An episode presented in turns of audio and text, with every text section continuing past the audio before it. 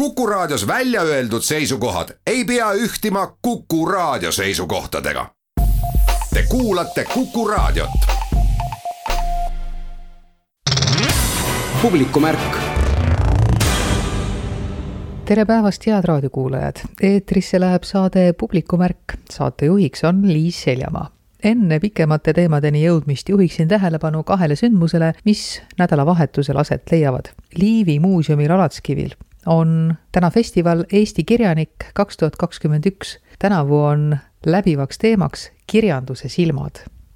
Kuhjavere küla otsustas hoolimata keerulisest olukorrast korraldada ka sel suvel külateatrite festivali. nii publikult kui esinejalt nõutakse küll seadusega ette nähtud tõendeid, kuid festival toimub täna ja homme tänases saates saab pikemalt kuulda seitsmeteistkümnendast Tallinna Kammermuusikafestivalist, mis stardib järgmisel nädalal just täna on esietendus, kinoteater toob Tartu Uues Teatris välja lavastuse pealkirjaga Haige mäger.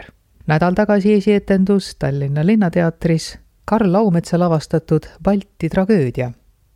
juba nädala jagu on kestnud üheksateistkümnes rahvusvaheline etenduskunstide festival Saal Biennaal, tegevusi ja sündmusi jagub veel nii selleks kui järgmiseks nädalavahetuseks Balti Manufaktuuri ruumides on saanud hoo sisse lavastus pealkirjaga Sitsi Silentium. Helen Rekkori lavastatuna rullub lahti teatraalne vaade kangrunaiste elule. saate sissejuhatuseks aga saab sõna Indrek Hirv. mu hullude tuulte noorus on möödunud laineharjal. nüüd seisan kuu all purjus ja alasti ja anun igavikult natuke tähelepanu kui see helisev valgus läbib mu heledaid luid siin kevadöö kuumuses, olen kurbusest purjus. jumal poja rumalast surmast ja eneseasjata elust. see oli nüüd viimane luuletus mu paksust raamatust. noh, ta annab sellest raamatust nüüd õigema tunde kui esimesed, ta on ikka kokkuvõttev. ühesõnaga, mul on paks raamat jälle, väga paks, nimi on Hingekiri teine see esimene hingekiri ilmus kahe tuhande kolmeteistkümnendal aastal. seal olid siis sees enam-vähem kõik luuletused, mida ma olin selle aja peale kirjutanud. noh ja nüüd selles hingekiri teises on viimase seitsme aasta või kaheksa aasta luuletused, enam-vähem kõik. ühesõnaga kõik need minu vihikud ja kolm soosteriga illustreeritud paksu raamatut on siin ilusti sees. aga luuletusi on äh, üle seitsmesaja, kujundus on hästi rahulik ja ma tegelikult oleks tahtnud natuke mürgeldada, aga siin on nüüd kõik väga soliidne. aga sa oled ju ka, ka soliidne klassik, ütleme nii. no ma ei taha olla veel, andke mulle natuke aega illustratsioonidega läks nii, et ma mõtlesin alguses, et paneks needsamad soosterid väiksemalt paneks nad nii väikselt, nagu nad alguses olid, tähendab originaalis on selles märkmikus. sellesse ma panin siis vabed. sõber küsis, kas ma ei taha näha tema, tema vabejoonistusi tema kunstikogust ja need sobisid maru hästi. Nad olid sama vabad kui mina ja siis sõbral oli veel sõber, kellel olid ka mõned vabed. kokku võib-olla et sajast või saja viiekümnest ma valisin need välja, need kaheksa tükki, mis said siia raamatusse. aga noh, nad, nad ei mõju siin enam vabalt, nad on, mõjuvad selle raamatu sellises soliidses klassikalises rahus, mõjuvad ka soliidsemalt, kui nad tegelikult on. kui rääkida sellest pildist, mis raamatu nii-öelda seal esileheküljel on, siis see võib-olla võtab kokku nii natukene sinu sellist elu või argipäeva ja võib-olla seda raamatut ka istud oma laua taga, aknast avaneb vaade Tartu Ülikooli peahoonele ja Toomemäele ja siis on seal pildi peal veiniklaas ja vaasis üks roos. see on pudelist, tead? pudelis üks roos, jah. oled pudelist veini ära valanud ja roosi sinna asemele pannud, et noh, see pilt avaneb selle sinu kambrikese aknast, kui sa seal istud ja vaatad Tartu peale ja need luuletused sünnivad sinu peas. ei no muidugi on seal seos, jah Need luuletused muidugi on suurelt jaolt kirjutatud hoopis Hispaanias, aga kujundid jah, ma olen kirjutanud seal katusekambris üles, nii et nad on suuresti seal sündinud, jah. sa oled kirjutanud luuletuste ette niisuguse jutu, pealkirjastades selle maagiline ruum ja mõtiskled seal üldse luulest ja kuidas sina luulet sõnastad oma selle kolmjalaga ja mõtled üldse eesti keele üle ja kuidas selles ennast niimoodi nagu luules väljendada, kas see on ka niisugune luulekogumiku sobiv sissejuhatav tekst või? see on juhuslikult sündinud tekst ja ta on saanud nüüd selle soliidse koha. ma kirjutasin ta tegelikult ERR-i portaali ja noh, ta mõtisklus ja ta nüüd väga minu mõtisklus, seal ei ole mingisugust kirjandusteooriat taga, ma olen sellest täiesti mööda läinud. noh, niisugune vaba joru, aga noh, jälle, kui ta on selle tellise ees niiviisi ilusti raamitud, siis ta mõjub kuidagi väärikalt. Ma ei taha, taha olla nii väärikas, nagu see raamat igatpidi on aga see ikkagi räägib sellest, et sa mõtiskled niisuguste asjade üle, et mitte lihtsalt, et paned luuleridu paberile, vaid vaatad ka nagu laiemat pilti. ma vaatan seda laiemat pilti ikka väga oma mätta otsast ja Eesti luulega mul ei ole nagu mingit pistmist enam. kui selles esimeses hingekirjas on mul need luuletused, mis noh, mõni tuletab meelde Ennot ja mõni Talvikut ja mõni Underit ja et on näha, et ma olen Eesti luulest välja kasvanud. noh, siis siin seda tunnet enam ei ole. Aga siis, et mitte olla päris õhus, et näidata, et ma kuhugi kuulun, siis ma olen märkinud ära neid, keda ma olen lugenud, Rilket ja Lorcat ja Nerudat, võib-olla Nerudat veel kõige rohkem. Natuke nagu toreduse pärast on see ka, et ma näitan, et ma ei ole päris üksi kui sellest kolmjalast äh, veel juttu, et siis on see sinu luules olnud armastus, surm ja kodu, millele sa oled tuginenud. ma lisaks võib-olla ise veel, et sellele kolmjalale lisaks võib-olla tuleb veel teine kolmjalg teha, sest üks, millest sa kirjutad alati, on Tartu ja siis on veel niimoodi loodus üldisemalt ja võib-olla siis selle alaliigina ka vesi, sest sa vee peal olemist armastad ka jah, vesi ei mahu sinna tõesti ära, sellesse kolme jalga, aga noh, Tartu on kodu, ma olen hästi palju vee peal ja kui ma olen vee peal, siis ma olen rahulik ja õnnelik.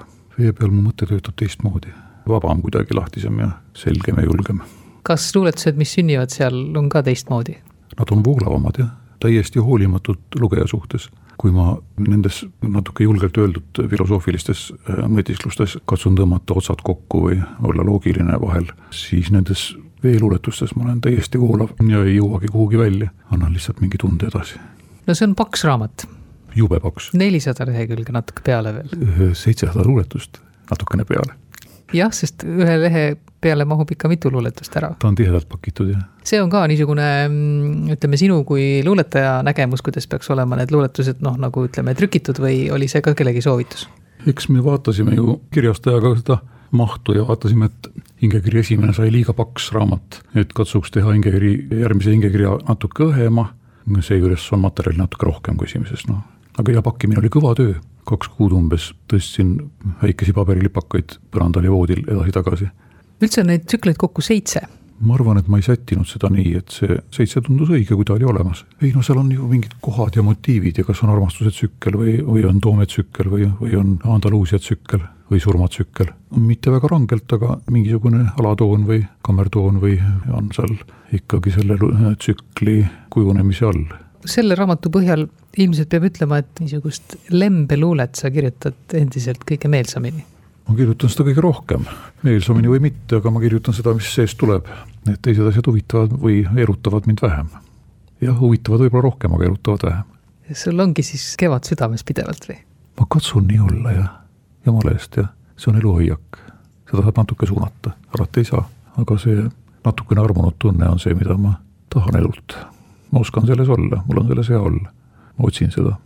armunud hoiak elu suhtes on see, mis hoiab mind sooja ja, ja paneb kirjutama kui sa lugesid meie jutu alguseks raamatu lõpust ühe luuletuse, siis ma peaks ütlema, et ilmselt mitte kogemata, vaid pigem meelega on sinna lõppu sattunud niisugused öö ja kuu luuletused. see kuidagi võtab nagu ilusasti kokku või et see on väga õige, et need luuletused seal lõpus on? raamatu lõpp on väga tõsine, raske ja ilus, aga eespool on kergust ka ja las ma nüüd lõpetan ja selle meie istumise siin kerge luuletusega, jälle Tartu motiiviga. ilus tüdruk kui sa tood mulle kohvi läbi päikesesooja valguse päevavarju alla, ilus tüdruk, kui sa tood mulle kohvi, käed uue tööga veel harjumata, ära suhkrut küll too. publikumärk. Sitsi Silentium Balti Manufaktuuris on tõeks saanud, see on üks viimaseid äh, selle suve suveetendusi. Helen Rekkor on selle üks loojatest teatriühendusest Misanseen. no sa oled rääkinud, kuidas see lugu kõik alguse sai ja kuidas see vabrikuhoone sind inspireeris ja need inimesed ja nii. aga ma mõtlen, et kui siin vabrikus ei oleks olnud elavat kultuurielu ja sellist, värki, et kas see siis oleks ka inspireerinud lihtsalt üks niisugune ketrusvabriku tööliste elu? Äh, ma ei oskagi öelda, loomeinimesena köidavad mind tõepoolest haridusseltsi teemad või kuidas siin äh, harrastati näitekunsti, aga peamisel veelgi on ju ikkagi see, et äh, need naised, kes siin töötasid ja millistes oludes, seda me vist kõik juba teame, siin oli justkui kodanikuõiguste kasvulava. inimesed hakkasid ühel hetkel taipama, et neid ekspluateeritakse ja julgesid selle vastu välja astuda. et see on võib-olla teine teema, mis mind isiklikult väga huvitab, kuidas naised ja lapsed tõstsid pead see on läbi aastate muidugi olnud raske töö, isegi siis, kui loodud oli ametiühing ja kõik need töötingimused paranesid, maksti ka rohkem palka, aga töö jäi ikkagi raskeks, isegi siis, kui paremad masinad tulid, ikkagi oli tegu raske tööga. meil õnnestus siis, kui meie prooviperiood oli alanud, kohtuda äh, mõningate inimestega, kes olid vabrikus töötanud ajal, mil, no nõukogude ajal. Ja ehkki jah, tollel ajal see tehnoloogia oli uuem, siis ikkagi tööpäevad olid väga rasked ja nende kirjeldustes käis äh, läbi sõna näiteks põrgu või jõudusunenägu. aga hoolimata sellest, see vabrik ikkagi nagu kestis ikka kaua. jah, hoolimata sellest see vabrik kestis, ma ei teagi, milles see asi on, et miks vabrikud kestavad. ju seda on äh, kellelegi vaja, seda on vaja vabrikantidele ja ilmselt teatud elu, eluetapis on olnud seda vaja ka nendele inimestele, kes siin töötasid, sest et ju neil ei olnud teist valikut see ruum annab muidugi noh, ütleme niisuguse uskumatu võimaluse, et see lavaruum on ikka väga suur ja ta on väga suur, ta on väga sügav esmalt, et võib-olla ta ei ole nii kõrge, kui klassikaliselt teatrisaalid on, aga tõesti, see sügavus annab mänguvõimalusi, ehkki ta on ka väga raske saal, et akustiliselt siin ikkagi kõlab ja ka õnneks meie näitlejad on teinud poolteist kuud kõva trenni niimoodi, et need hääled kannavad. noh, ja teine raske asi selle saali puhul on see, et siin on need postid, mistõttu tuli kõik misantseenid lahendada nagu hästi laialt et arvestada iga sektoriga ja et kõik inimesed, kes on ostnud pileti, saaksid osa sellest meie loost no selline lugu muidugi, mis räägib puhtalt naiste kollektiivist, see peab ka kajastama niisuguseid naiste elu äh, aspekte ja sinna kuuluvad ka romantilisemat sorti lood ja nii edasi. ma arvan, et inimeste elu juurde üldiselt kuulub romantika. et kui oleks olnud meestevabrik, et siis oleks ka ikkagi romantika tulnud? jah, ma arvan küll, jah. kui me seda lugu punusime, see oli puhas fantaasia esialgu. meile tundus loogiline, et need inimesed, kes seisavad äh, nii-öelda teatri tegemise eest peavad seisma ka ju haridusseltsi eest, et sest põhimõtteliselt see on kõik hingeharidus. ja olles konsulteerinud ajaloolase Maie Pihlamägiga, sai selgeks, et meie nii-öelda fantaasia või konstruktsioon on täiesti tõsi, et tõepoolest meie lavastus on tegelane nimega Richard, kes on saanud inspiratsiooni Riho Hoolmast, kes on siis Paide poolkutselise teatri asutaja ja me teadsime tema kohta seda, et ta mõned aastad oma elust viibis Sitsi vabrikus, aga mida ta täpselt siin tegi, me ei teadnud. ja alles siis, kui me olime selle stsenaariumi juba äh, niimoodi paika loksutanud, saime me teada, et jah, tõepoolest nii see oligi, et seesama Riho Hoolma oli ka üks nendest, kes allkirjastas haridusseltsi lepingu vabriku juhtkonnaga kui palju siin niisuguseid ajaloolisi prototüüpe üldse on, no peategelane võis olla ilmselt ükskõik missugune noor tüdruk, kes maalt tuli linna, mõned tegelased siiski on ka reaalsete eksisteerinud inimeste näited. Äh, lisaks mainitud äh, Riho Hoolmaale kõnnib meie lavalaudadelt läbi äh, meie versioonis Iisak Sidrun, päriselus siis Isaac Citroen, kes oli omal ajal suur ärimees ja suur sahkerdaja ja kogu selle rahapesuskandaali peaarhitekt, et lisaks Sitsi vabrik vabrikule olid tal käpad sees väga mitmetes vabrikutes, tal oli tohutult kinnisvara nii Eestis kui välismaal. tema oli üks nendest prototüüpidest ja sul on õigus, kui sa ütlesid, et meie peategelane Leegi võiks olla ju ükskõik missugune töölisnaine, et tema on nagu koondportree sellest naisest, kes siin võis elada ja töötada ja armastada ja Elviine karakter on äh, täielikult fiktiivne aga loomulikult need mõningad revolutsiooniliselt meelestatud daamid, keda me siin ka kohtame, et nad on ikkagi mõneti saanud inspiratsiooni päriselust. siin oli tegelikult legendaarseid naisrevolutsionääre ja selles mõttes võibki tegelikult see Sitsi vabrik oli nii tohutu suur maailm maailmas, et ükskõik kuhu sa vaatad, sa võid punuda sellest suure loo mitmevaatuselise eepose või suisa kas dokumentaalsarja või sarja, et see pulbitseb lugudest ja huvitavatest inimestest. siin tõesti oli, oli omal ajal nagu terve kvartal, et mitte ainult see Sitsi vabrik, vaid kool, lasteaed, turg ja kui me räägime veel äh, ühistustest, ühingutest, siis ju oli ka oma politseijõud ja oma tuletõrje, haigekassa ja et, et see oli noh, linnak tõepoolest, minilinnak no siis on väga tõenäoline, et äh, mõned inimesed siit väga tihti nagu välja ei saanudki. ja ei pidanudki saama, et äh, mulle tundub, et see vabrik oligi, võis olla eost disainitud sellisena, et sul puudus nii aeg kui lõpuks ka vajadus sellelt alalt lahkuda. et kõik, mis sa siin teenisid, sa ka siia jätsid, sest äh, samal territooriumil asus ju ka tarbijate ühistu ehk siis pood. huvitaval kombel üks läbivaid teemasid selles näitemängus on hundid. jah kõigepealt, kui üldse tutvuda selle vabrikuga, siis ma tahtsin ikkagi ajas minna nii kaugele tagasi kui võimalik. Ja esimesed andmed sellest piirkonnast pärinevadki keskajast, mil siis seda kasutati väljasõidupaigana. Ja siin oli ka kalmistu, aga jaa, hundi probleem oli ka. Ja ühel hetkel otsustas linnarahvas ehitada huntide kaitseks valli et äh, see hundi teema tundus mulle nii kohutavalt köitev, ka sellepärast, et ma näen, ei tahaks kõike lahti selgitada, aga et ta kannab seda lugu mingisugusel teisel tasandil edasi ka. no vaataja peab tulema ise otsustama, selleks veel võimalus on. üks küsimus on mul veel, silentium tähendab ju vaikust tõepoolest ühtepidi see pealkiri äh, mängib vastandusega, sest tõesti vaikus oli miski, mida siin ju kindlasti ei olnud, aga silentsium äh, või vaikus nagu minu jaoks äh, seostub ka vaigistamisega. vabrikandid omal ajal ikkagi andsid endast kõik, et nende naiste hääl kuskile ei jõuaks. sa annad neile hääle? jah, annan küll. publikumärk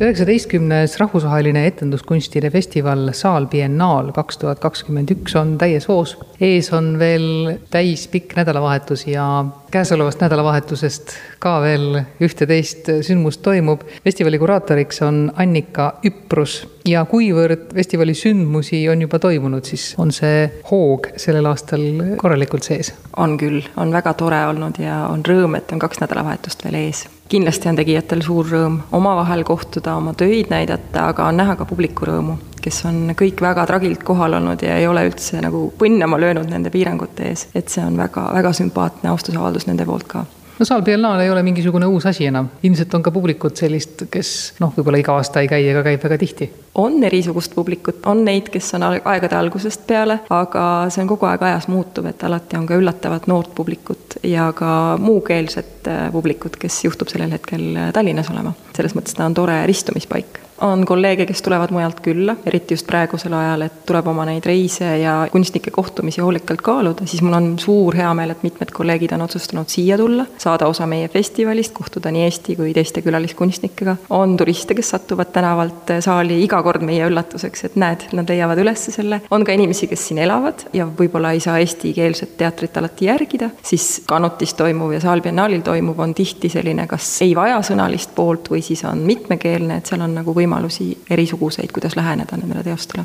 kuidas ta nii-öelda ruumis paikneb, see festival sel aastal?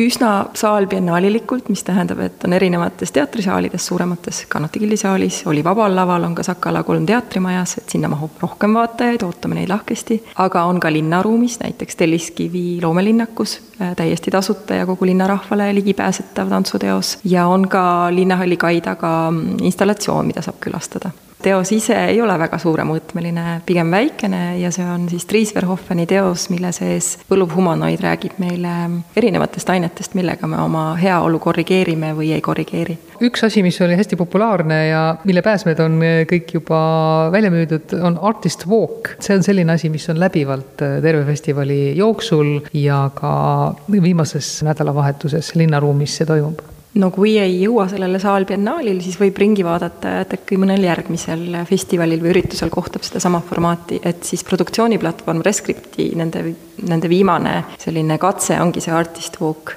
saalbiennaalil saab seda näha kuusteist korda nii Eesti kui külaliskunstnike poolt läbi viiduna, aga tõesti julgustan seda üles leidma ka muul ajal ja muudel üritustel üks päris tore asi, mida ei saa nimetada küll noh, nii-öelda õueürituseks, aga mis ei ole ka päris teater, on lugemissaal. Ja Kanuti Gildi keldrisaalis saab sellest osa saada veel ka laupäevasel päeval jah, see on teist laadi ettevõtmine, aga samas otsapidi seotud etenduskunstidega.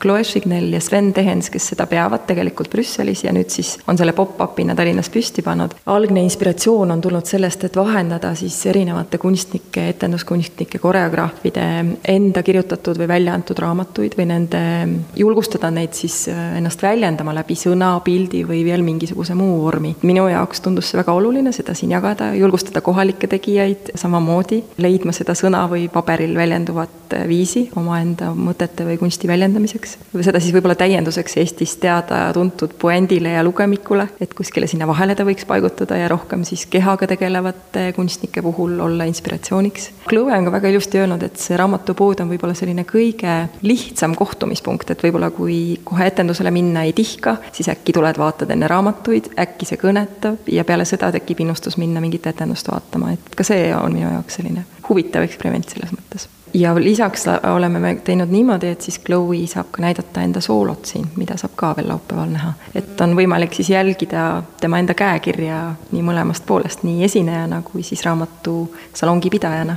rääkides aga nendest lavastustest, mis on veel ees, millele võiks tähelepanu juhtida no nii, viimane festivali nädal ootab meid ees ja seal on ka tõepoolest eripäraseid ettevõtmisi, nagu ma mainisin, on installatsioon, mida kohtab linnaruumis, aga on ka päris etendusi Kanuti killisaalis, Karolin Poska, selline positiivselt innustav Sinu nirvaanale kuigi et siis muus plaanis mul on tunne, et festivali viimasesse nädalasse jääb selline sotsiaalkriitilisem või poliitilisem nagu raskekaallaste rida et meil on kavas näituse vormis teos ühes erakorteris Tallinnas, mis puudutab väga keerulist teemat, mis on siis koduvägivald, mida Eestis on mitmed kunstnikud lahanud. seekord siis Läti kunstnikud Laura Stasane ja Jana Jatšuka on leidnud muuseumi formaadi sellele, mis võiks ka Eesti olusid silmas pidades kõnetada, et nad püüavad anda hääle traumadele või kogemustele läbi äh, lugude ja esemete, mis võib-olla ei omaks juriidilist kaalu, aga omavad inimestele elu muutvat kaalu ja teatrisaalis võib kohata viimasel nädalavahetusel äh, suurmeistri Kate McIntoshi lavastust, mis omakorda põimib kokku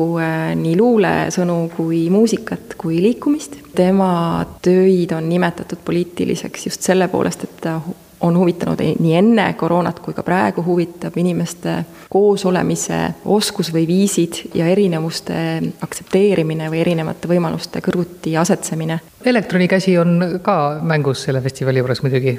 on, mul on selle üle hästi hea meel ja vist on ka mulle oluline olnud see minu kolme festivali jooksul, et leida neid väikesi seoseid kohaliku skeene teiste tegijatega läbi erinevate tantsualgatuste, tantsuruum, tantsumassiiv ja seekord siis Elektroniga on selline raadioeksperiment Signal, mis on väga tore, mis samamoodi püüab siis kaardistada seda vaheala või mõtestada lahti hetki, mis jäävad asjade vahele läbi vestluste kunstnikega või läbi erineval vormil peegelduste või siis paludes mõningatel teadlastel mõningate kunstnike valitud teemasid teemasid natukene lahti seletada ja sellel on ka siis see dimensioon, et seda saab kodust kuulata. kas festivalil on ka mingisugune ametlik lõpp? Pigem festival vaibub äh, mõtisklusse nende tõsiste teemade üle, et sel korral äh, toimub viimasel ööpäeval siis selles muuseumis, kus räägitakse koduvägivallast, selline peaaegu nagu rituaalne ettelugemismaraton, kus siis loetakse ette muuseumile annetatud lugusid, mis koosnevad nii Eesti, Läti kui Poola naiste lugudest ja loetakse neid nii kaua, kuni nad oma väe kaotavad või annavad siis nendele lugejatele väe tagasi. ja pärast seda on veel võimalik minna Dries Verhofeni installatsiooni vaatama, vaatama ja siis võib igaüks oma mõtetega jääda uitama tulevaste sündmuste kohta on võimalik täielikku ülevaadet saada festivali kodulehelt eelkõige? seda tasub jälgida ja praeguses muutuvajas ajas eriti on võimalus leida siis endale saal.ee lehelt festivaliüritusi, kuhu saab minna tasuta, mis on linnaruumis, või siis tasub varem välja valida etendused, mis on teatrisaalis ja hankida endale eelnevalt pilet. publikumärk Tallinna Linnateatri hooaja avalavastus kannab pealkirja Balti tragöödia. autoriteks on Siegfried von Vegesack, Kertu Moppel ja Karl Laumets. Siegfriedi tekst on Kertu Moppeli ja Karl Laumetsa käe all jõudnud lavale. küllap on Eestis ka inimesi, kes seda lugenud on, seda romaani. ajalooline, tõsine, sügavuti minev teema. kuidas sa, Karl, selleni jõudsid? No ju on ka niimoodi, et see on selline materjal, et kui keegi seda tegema hakkab, siis asjahuvilised teavad, aga üllatavalt palju inimesi tulid ütlema, et oh, see on üks mu lemmikromaane. Ja aga muidu me kool, lavakunstikooli ajal lugesime Anu Lambiga selle romaani kogu kursusega läbi, see romaan jättis sügava mulje, tegelikult koroona ajal, kui tekkis paus, siis ma lugesin selle uuesti läbi ja tundus, et see on nüüd see materjal, mida tahaks teha, mida peaks nüüd tegema, mis kuidagi väga paljuski kõlksus selle ajahetke kuidagi tunnetusega kokku. ja siis liitus Kertu Moppel, et ma tundsin, et noh, see on nii suur romaan, et sellist asja üksi ei äh, tahaks kindlasti dramatiseerida ja kindlasti vaja ka nii palju kogemust ja oskust ja siis Kertu, kes on juba sellise asjaga rohkem tegelenud ja on kirjutaja inimene ja siis temaga me otsustasime teha seda, jah. kas Linnateater oli ka noh, ütleme sinu valik selles osas, et kust seda välja tuua? see oli minu valik jaa kas Linnateatri trupp on siis selline, keda sa nägid nagu nende karakteritena seal laval või? jaa, kindlasti. Ja noh, loomulikult Anu Lamp on ka ju Linnateatri näitleja ja ma tean, et ka selles trupis oli palju inimesi juba, kes olid selle romaaniga varasemalt tutvunud. Ja tundus, et see teema ja see stiil, mida me tahtsime, mismoodi me tahtsime seda lavastust Kristjan Suitsuga teha, et see sobis just siia Linnateatrisse. Veesak veetis oma ja ütleme, tema suguvõsa maad olid äh, Lätis, aga mitte kaugel, ka Eesti piirist. ütleme siis, nad olid Liivimaal, aga väga kerge on paralleele tõmmata ju Eestiga ja ta ise ka toob seda Eestit oma loosse sisse, et selles mõttes on see meile kõikidele arusaadav, paljud asjad, mis toimusid seal, toimusid ka siin. Jah, kuigi et seda kindlasti ka ajaloolased toonitavad, et kõik, mis Lätis toimus, oli ikkagi palju suurem ja kõik asjad olid palju äh, teravamad, pingelisemad, et noh, päris otsest paralleeli justkui ei saa Eestiga ikkagi tõmmata, aga kaudselt me kõik saame aru, kuna see lavastuse lugu ei eh, keskendu võib-olla ka nii palju sellistele ajaloolistele detailidele, et me ajasime võib-olla mingit teist tunnetust taga, mis nende inimestega seal toimub. Ja need on, ma arvan, samastatavad ükskõik mis ajal ja ükskõik mis kohas no liiatigi ülikoolina on kõne all Tartu, kus kindlasti õppis ka mitte ainult siis Baltimaadest või baltisakslaste seast pärit noori, vaid üle terve selle impeeriumi mm. -hmm. ja noh, väga tore on, et meil on võimalus minna Tartusse mängima seda tükki ja väga ootan, et kuidas Tartu publik selle vastu võtab ma mõtlesin, et mis see Balti tragöödia võiks olla selles loos üldse või milles see Balti tragöödia väljendub, võib-olla see väljendub selles, vähemalt minu arvates küll baltisakslaste jaoks, et kuna nad olid aastasadu juba paigal olnud, siis nad mõtlesid, et nad kuuluvad siia ja kõik ülejäänud inimesed ka nagu suhtuvad asjasse niimoodi. Nende jaoks ilmselt suure üllatusena tuli välja, et tegelikult see ei ole üldse nii.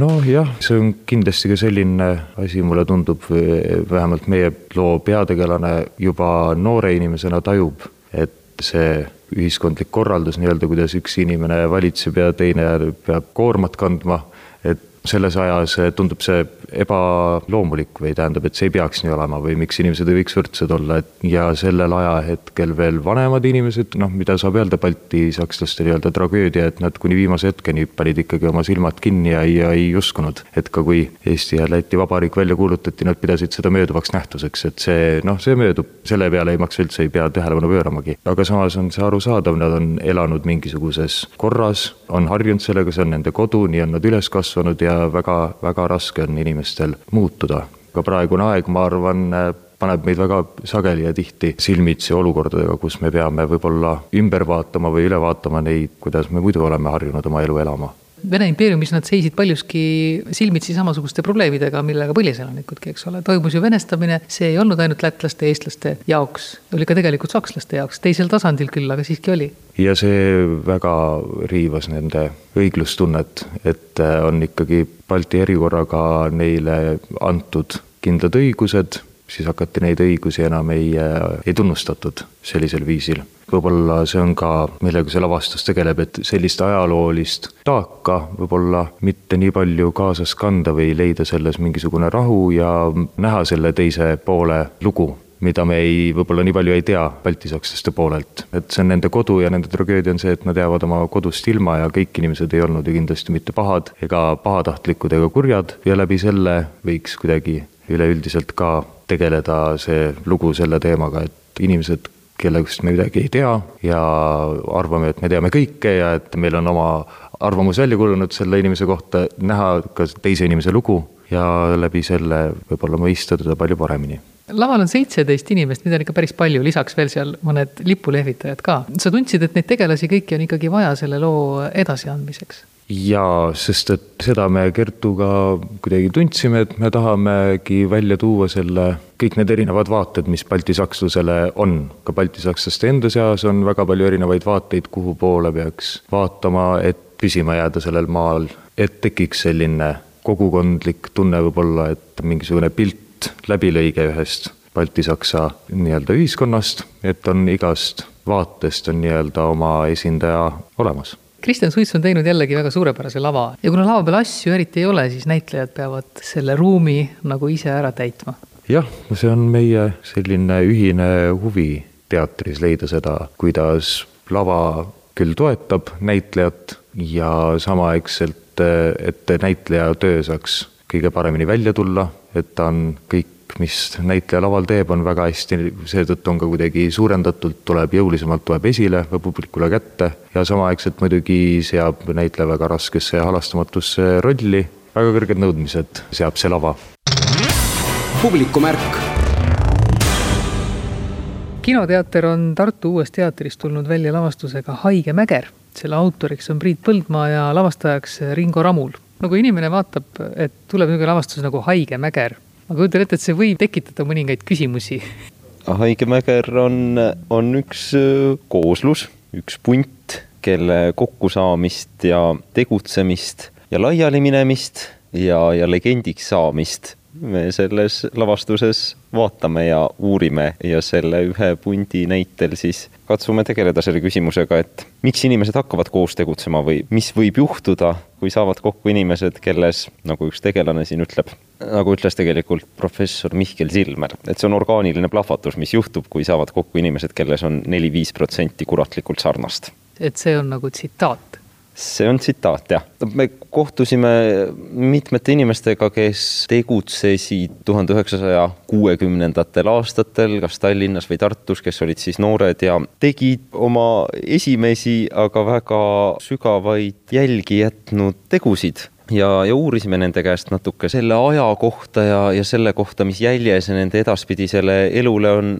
on jätnud aga ütleme nii, et nendel tegelastel siin lavastuses ei ole selliseid üks-üheseid prototüüpe või need sündmused, mis siin laval on, on ikkagi kõik täiesti fiktsionaalsed. see maailm on fiktsionaalne, me ei ole Tartus, me ei ole tuhande üheksasaja kuuekümnendates aastates, kuigi kokkupuutepunkte on. Nojah, aga looming, mida esitatakse, ütleme siis laulud, need Haige Mägra laulud, need pärinevad küll konkreetsetelt persoonidelt laulusõnad pärinevad tõesti kuuekümnendatest, Andres Ehini, Artur Alliksaare, Maimu Bergi ja Johnny B. Isotamäe tekste, aga laulude viisid on kirjutanud helilooja Jakob Juhkam praegu selle lavastuse ja selle koosluse tarbeks. noh, et mingis mõttes see nagu see, kuidas need laulud on sündinud nii, et mingisugune impulss on pärit kuskilt viiekümne, kuuekümne aasta tagusest ajast, aga selle vormi või selle, mismoodi see täna peaks kõlama või mida see täna peaks tähendama, et selle me oleme ikkagi leiutanud siin koos praegu nende inimestega, oma põlvkonnakaaslastega, et noh, ütleme see nagu laulude sünnimudel võib-olla võtab kokku ka kuidagi selle nagu lavastuse olemuse või. aga lavastaja jaoks Haige Mäger, mida tähendab? see punt, kes meil siin laval on, neil juhtub nagu Priit siin ütles, orgaaniline plahvatus, see on mingi seisund, kuhu nad jõuavad, kus on tunne, et kõik on võimalik ja kõik uksed on lahti, tuba saab valgust täis, ma arvan, et eelkõige seda. See, mis sa, Priit, ütlesid, et ütleme, kuidas need laulud sündinud on, võib-olla sellepärast äh, jääb ka tunne, et see kõik on väga noh, tänapäevane või et võtad viiekümne aasta tagused sündmused, noh hüpoteetiliselt viiekümne aasta tagused sündmused, asetad tänasesse päeva. ma arvan, see kõnetaks täpselt samamoodi, nagu ta siis võib-olla kõnetas seda me oleme küll üritanud jah, et me ei, ei rekonstrueeri siin kuuekümnendaid või ei püüa selgitada välja ajaloolist tõde selle kohta, mis siis juhtus, vaid püüame ikkagi nagu tegeleda endale oluliste küsimustega ja sellega, et miks see aeg või miks see, kuidas sellest räägitakse, tekitab nii nagu tungivat igatsust. Aga te olete mõlemad noored mehed, kas te üritasite ennast asetada sinna aega või te tegite seda lugu ikkagi niimoodi, et teeme seda nii, nagu me võiks seda täna teha? jaa, absoluutselt ikkagi siin ja praegu, täna või nagu juba siin kõlas ka, et, et me ei ole selles loos kuuekümnendates, me ei ole ka tänases päevas, me oleme kusagil paralleelmaailmas, kui nii võib öelda, ja just sellepärast, et saaks tegeleda nende teemadega mitte konkreetselt kuidagi ajastust lähtuvalt, me oleme küll tõukunud kuuekümnendatest, aga me ei ole sinna kinni jäänud noored inimesed teevad, ma kujutan ette, sarnast asja ükskõik mis kümnendil. ma arvan küll aga ma millegipärast mõtlen, et see võiks ikkagi kõnetada võib-olla noh, mitte eelkõige, aga suuresti võiks see kõnetada neid Mihkel Silmeri kaasaegseid või et nende jaoks võib-olla tuleb nagu tuttav ette. ja kindlasti tuleb, olekski väga huvitav kuulda, kui näiteks tuleb Mihkel Silmer meid vaatama ja teised tema kaasaegsed, et mida nad ära tunnevad ja mis lugu neil seda lavastust vaadates jookseb no ma loodan, et ta tuleb vaatama. ma loodan ka, keegi kindlasti tuleb vanadest Rajaka liikmetest, seda, selles ma olen kindel. kui ka mingid konkreetsed laulud või naljad viiskümmend aastat hiljem ei tähenda enam täpselt sama, mida nad siis tähendasid, siis ma arvan, et see tunne või see äratundmise hetk, mida nad on tekitanud et see jääb küll kestma, et ühtepidi kõik kokkusaamised on ajutised ja teistpidi, kui need kokkusaamised on juba toimunud, et kui on juba kohtutud, siis see kohtumine jääb. Me teeme siin äh, Tartu Uue Teatri majas seda lavastust ja me elame ka siinsamas majas äh, kõik koos, nii et mõnes mõttes see elu, mida elavad äh, need tegelased meil siin laval, mõnes mõttes me ikkagi praegu viimased kuu aega olles siin Tartu Uue Teatri majas oleme elanud väga sarnaselt mm. -hmm. et sibulat ei ole vaja köögis praadida? on vaja ikka, ikka on vaja.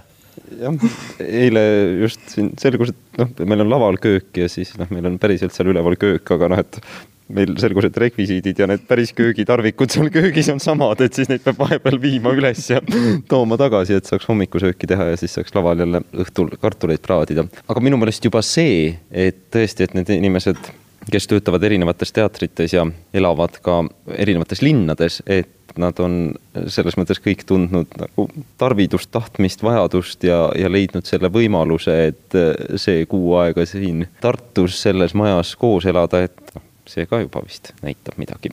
kas seda arvestades ei tundu ebaõiglane, et ainult kaheksa etendust vist on, jah? ma ei oska öelda, võib-olla me mängime seda veel, eks näis aga et on see teisaldatav, et võtame selle köögi kaasa ja lähme kuskile mujale? ma tahaks öelda, et mitte, sest minu meelest on ka see väga oluline, et me seda lavastust teeme just Tartus ja ma kardan, et kui me nüüd peaksime minema sellega reisima, siis eh, midagi sellest kaob see kontsentreeritus, mis meil on siin olnud, see, et, et me oleme siin intensiivselt proove teinud siinsamas majas, et meil tulevad siin etendused jutti, ma arvan, et see töötab sellele lavastusele ainult kasuks. kui me peaksime teda kuidagi hakitult aasta jooksul mängima hakkama, siis ma arvan, et seal on tunnetuslikud kadud. minule meeldib selle lavastuse lõpp, et see kõige viimane lause paneb nagu kõik paika kui palju aega läks, et niisugune lause välja töötada ja sellega nagu lõpetada? See oli üsna kohe selge, et see lugu peab just niiviisi lõppema. jah, mingis mõttes see lugu võib-olla nagu keris ennast selle viimase lause ümber lahti. publikumärk Tallinna Kammermuusikafestival kannab seekord alapealkirja Torm ja tung või Sturm und Drang. selle festivali kunstiline juht on teistkordselt Maano Männi. millest selline pealkiri tänavu? Hea kuulaja kindlasti teab, et Torm ja tung oli kaheksateistkümnenda sajandi lõpu kirjanduslik liikumine eelkõige. aga sellest on mõjutusi saanud ka muusika. mitmed heliloojad, Haydn eelkõige, aga on ka hilisemaid, kelle loomingus on sellist väga palju emotsionaalset kontrasti, palju kontraste ka harmoonias ja meloodias, et see on nagu noh ilm, et ühel päeval võib paista päike, kohe tuleb mingi rünkpilv ja sajab taevast alla pussnuge, samamoodi muusikas, et väga äkilised muutused muusikas. Ja selles mõttes see oli väga huvitav teema, sest muutusi ja kontraste muusikas on ka palju hilisemal perioodil kui see tormi ja tungi õige periood kust see nimi tuli, Sturm und Drang, see oli siis saksa kirjanik Johann Friedrich von Klinger, kes siis Goethe ja Schilleriga ja selle tormi ja tungi ideoloogiga Hamann moodustasid sellise grupi, seal oli veel, ja Klingeri näidendi või draama järgi saigi see liikuja nimetuse. aga torm ja tung on muusikas noh, väga huvitav ja just kontrastide printsiibil on ka kogu selle aasta kava üles ehitatud ütleme, ühe õhtu jooksul need kontrastid avalduvad või siis ühel kontserdil ja teisel kontserdil? on ühe õhtu jooksul on teosed, mis omavahel moodustavad kontraste, pikka sujuvat kulgemist nagu ei tule viiel kontserdil aga neid on kuus, ühel kontserdil on siis meditatsioon, mis on tõesti kontrast kogu eelneva festivali kavaga, see on siis Rootsi Mihkli kirikus kahekümne seitsmendal. Luciano Berio, Kaia Saariaho, Johann Sebastian Bach, Pärt Uusberg, Arvo Pärt, Beethoveni kuupaiste sonaat, see lugu loob sellise meeleolu, et mingi sissevaatamise kontsertõhtu, kus on siis õhtu meeleolust, ööst kantud teosed, noh küünavalguses veel ja see kirik loob väga põneva atmosfääri. muu on ikkagi läbi kontrastide ja kire ja emotsionaalse piirini viidud kammermuusika Mustpeade Maja Valges saalis on avakontsert Torm ja tung kahekümne neljandal augustil ja seal mängitakse Haydnit, Beethovenit ja Hallikut. jah, Haydn on siis Tormi ja tungi muusikaline üks tugevamaid esindajaid ja tema sümfooniast La Passione on tehtud seade viiele puhkpillile, puhkpillikvintetile. Ja kuna puhkpilli teema oli natuke aega tagasi väga selline akuutne Eestis, kas me üldse vajame sellist puhkpillimuusikat, siis me saame näidata, et on väga head viis muusikut, kes esitavad selle noh, fantastiliselt just neid kontraste ja kõiki neid tormitungi meeleolusid sellest teosest esile tuua. ja iga soliidne festival, meie püüame kindlasti olla soliidne, omab ka oma resideerivat helilooja. Ja kui eelmine aasta oli Tõnis Kaumann, siis sel aastal on Elis Hallik, tema just selle avakontserdi jaoks kirjutatud teos samuti kannab nime La Passion, on inspireeritud äh, siis Haydni sümfooniast. ja kontserdi lõpuks on äh, noh, meie Eesti vaieldamatud noored tipud, Triin Ruubel, Lilleberg, viiuldaja, Sten Heinoja, pianist ja Theodor Sink, tšello esitavad Beethoveni trio, väga sellise võimsa ja kus on nii tormi, tungi ja kirge teisel kontserdil, kahekümne viiendal augustil prevaleerivad keelpillid, kontsert kannab pealkirja Noored talendid ja Mustpeade Maja Valges saalis on kavas Haydn, Strauss. Haydn kui klassik ja Šostakovitš kui neoklassik mõjuvad ka jälle hästi omavahel. Ja ma ütlen, see Magnet on noh, no Eesti noortest keelpillimängijatest koosnev äh, kammeransambel, keelpillikvartett, Robert Traksmann, Katariina Maria Kits, Mart Kuusmaa, Marcel Johannes Kits. Ja see on nende Tallinna debüüt aga eriti põnev on Richard Straussi sonaat viiulile ja klaverile väga harva esitatakse, kuna see on tohutult raske. Saksamaal õppivad Hans Christian Aavik, viiuldaja ja Karoliina Žukova pakuvad nagu kontserdi teises pooles Richard Straussi väga kirglike meeleoludega täidetud sonaadi. Kolmas kontsert kannab pealkirja Inspiratsioon ja seal on Clara ja Robert Schumanni looming jällegi Mustpeade Maja Valges saalis kahekümne kuuendal augustil Clara ja Robert Schumanni see loominguline ja ka kirglik armastussuhe, see elas palju kauem kui nende elu, ütleme, see on nagu selline muusikute, loomeinimeste nagu etalon, kuidas üks paar koos on nii kirglikud komponistid, heliloojad kui ka kirglikud armastajad. Clara on natuke sentimentaalsem, aga Robert Schumann ongi selline kirg ja tung, kogu aeg see tema muusika selline pingeline kuulamiskogemus kindlasti ja jälle siin on väga head esinejad, Kalev Kuljus, meie Eesti üks, Eesti mees, aga tegelikult ta ju, hetkel on ta ju maailma üks parimaid oboemängijaid. Ja teine peaesineja, Fjodor Rudin, praeguse generatsiooni üks eredamaid ja omanäolisemaid, ta ei ole selline nagu sageli Aasia viiuldajad on väga head copy-paste ijad, mängivad täpselt nii nagu keegi teine, tal on väga individuaalne loominguline käekiri ja ta mängib Austria pangale kuuluva Stradivariusega, tema osalusel on ka Robert Schumanni klaveri kvartett mängib esimest viiulit seal. Ja Theodor Sink, Ühendkuningriikides Sofia Raaman, kunstiline juht, ma siis ka oma tütrega, Marite Männiga esitan äh, Clara Schumanni kolm sellist ilusat romanssi viiulile ja klaverile aga mul on väga hea meel, et Fjodor ja Kalev mõlemad on festivalil meil sellised toredad külalised. Mõlemad sinu poolt nimetatud ja ka Maalo Männi ise astuvad üles festivali galal alapealkirjaga Geeniuste epohh koos festivali solistide ja kammerorkestriga. ja pigem on see Tormi ja Tungi üks selliseid nimetusi ka, et Geeniuste epohh eelkõige puudutab galakontserdi peateost Richard Straussi Metamorfoose ja Richard Strauss oma käsikirjas kirjutas ümber kaks Goethe luuletust, et ta sai sealt nagu inspiratsiooni. see on kindlasti väga hea esitus, Gabriel Septet ongi kõik nagu parimad festivali tippmängijad ja siis ma esitan ka Kalev Kuljusega Bachi kontserdi viiuliloo poele ja ka Elis Halliku üks teos kõlab festivali galal ja kõik võetakse kokku Mustpeade maja Valges saalis kahekümne üheksandal augustil. lõppkontsert kannab siis pealkirja Peale tormi, kulinaarne õhtu ja noh, seal on siis juba solistid, kes eelnevatel kontserditel on üles astunud, pluss veel mõned ja me mõtlesimegi, et kuna selline pinge ja torm ja tung ja kui me ise oleme ka tormi ja tungi meeleolus või vaatame kas või loodust, aga siis see ju lõpeb üks hetk, see on selline nagu kergendus ja anname natuke nagu meeled valla ja vabamaks. festivali viimasel kontserdil on siis teosed, mis räägivad kulinaarsetest toodetest või toiduainetest. Kallak on kindlalt kulinaarne, Tšehhi helilooja Bohuslav Martinu köögirevüü mis räägib äh, armastuskolmnurgast potikaane ja kulbi vahel. Kalev Kuljus mängib salonglikke teoseid ja väga huvitav äh, teos on äh, Briti heliloojal Baksil on In a vodka shop. see oli tema mälestus Venemaa käigust ja Irina Zaharenkova esitab selle ja Peeter Sarapuu fagotilile mängib kohvitango. lõbus meeleolukas kontsert pärast tormi ja tungi meeleolusid